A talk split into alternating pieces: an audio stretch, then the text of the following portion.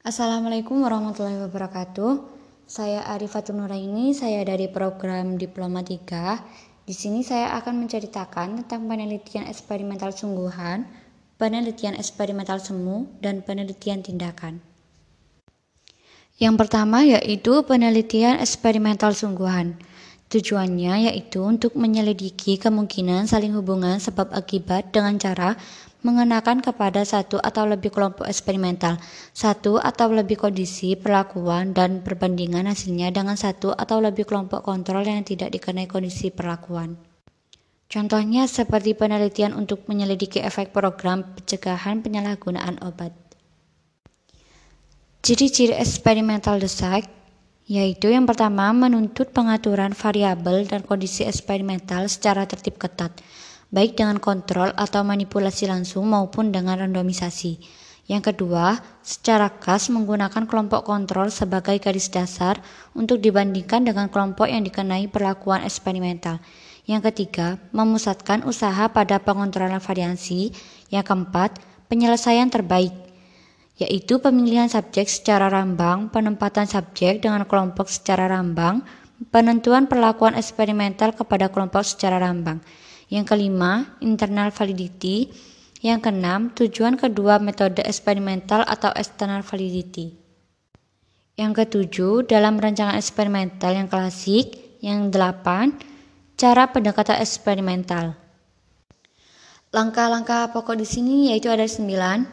Yang pertama, lakukan survei kepustakaan yang relevan bagi masalah yang akan dilakukan atau dikerjakan. Yang kedua, identifikasi dan definisikan masalah. Yang ketiga, rumuskan hipotesis berdasarkan atas penelaah kepustakaan. Yang keempat, definisikan pengertian dasar dan variabel utama. Yang kelima, susun rencana eksperimen.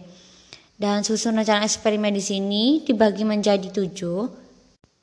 Langkah-langkah pokok di sini ada sembilan, yaitu lakukan survei kepustakaan yang relevan bagi masalah yang akan dilakukan atau dikerjakan identifikasi dan definisikan masalah, rumuskan hipotesis berdasarkan penelaah kepustakaan, definisikan pengertian dasar variabel utama, susun rencana eksperimen. Dan susun rencana eksperimen di sini dibagi menjadi tujuh. Yang pertama, identifikasi bermacam-macam variabel yang relevan. Yang kedua, identifikasi variabel non-eksperimental yang mungkin mencemarkan eksperimen dan tentukan bagaimana caranya mengontrol variabel tersebut. Yang ketiga, tentukan rancangan eksperimennya. Yang keempat, pilih subjek yang responsif bagi populasi tertentu.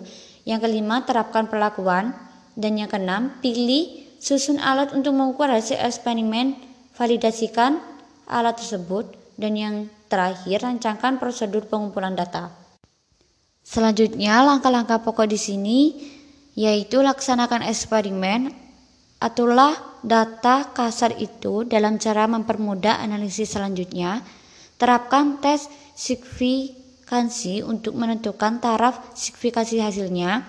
Dan yang terakhir itu buatlah interpretasi mengenai hasil testing itu, berikan diskusi seperlunya dan tulislah lapornya.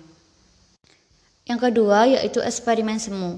Pengertian dari eksperimen semu yaitu sebagai eksperimen yang memiliki perlakuan pengukuran dampak unit eksperimen namun tidak menggunakan penugasan acak untuk menciptakan perbandingan dalam rangka menyimpulkan perubahan yang disebabkan pelakuan. Pada penelitian lapangan biasanya menggunakan rancangan eksperimen semu.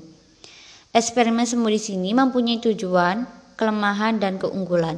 Yang pertama, tujuan dari eksperimen semu yaitu untuk mengungkapkan hubungan sebab akibat yang kedua yaitu eksperimen semu. Pengertian eksperimen semu yaitu sebagai eksperimen yang memiliki perlakuan pengukuran dampak unit eksperimen namun tidak menggunakan penugasan acak untuk menciptakan perbandingan dalam rangka menyimpulkan perubahan yang disebabkan perlakuan.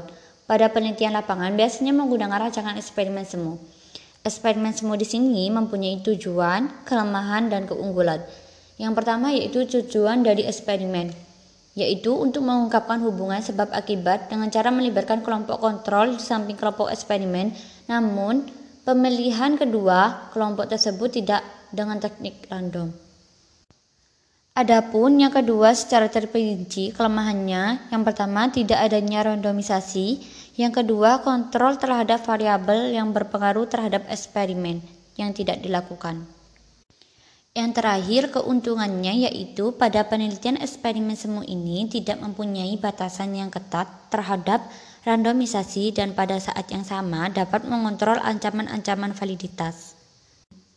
Yang terakhir yaitu penelitian tindakan yaitu merupakan satu proses yang memberikan kepercayaan pada pengembangan kekuatan berpikir reflektif, diskusi, penentuan keputusan, dan tindakan oleh orang biasa, berpartisipasi dalam penelitian kolektif dalam mengatasi kesulitan yang dihadapi dalam kegiatannya. Karakteristik penelitian tindakan yang pertama yaitu problem yang dipecahkan, yang kedua peneliti memberikan pelakuan yang berupa tindakan terencana, yang ketiga, langkah-langkah penelitian yang direncanakan selalu dalam bentuk siklus tingkatan. Yang keempat, penelitian tindakan bersifat terbuka. Yang kelima, penelitian tindakan merupakan sebuah analisis kritis terhadap tempat kerja pendidikan. Yang keenam, penelitian tindakan merupakan justifikasi bagi praktek kerja seseorang. Yang terakhir, adanya langkah berpikir reflektif dari peneliti baik sesudah maupun sebelum tindakan. Kesimpulan dari penelitian eksperimental sungguhan yaitu untuk menyelidiki kemungkinan saling hubungan sebab akibat dengan cara mengenakan kepada satu atau lebih kelompok eksperimental, satu atau lebih kondisi perlakuan dan perbandingan hasilnya dengan satu atau lebih kelompok kontrol yang tidak dikenai kondisi perlakuan. Kesimpulan dari eksperimen semu yaitu memiliki perlakuan pengukuran dampak unit eksperimen namun tidak menggunakan penugasan acak untuk menciptakan perbandingan dalam rangka menyimpulkan perubahan yang disebabkan perlakuan. Pada dasarnya, penelitian eksperimen semu atau eksperimen kuasi sama dengan penelitian eksperimen murni.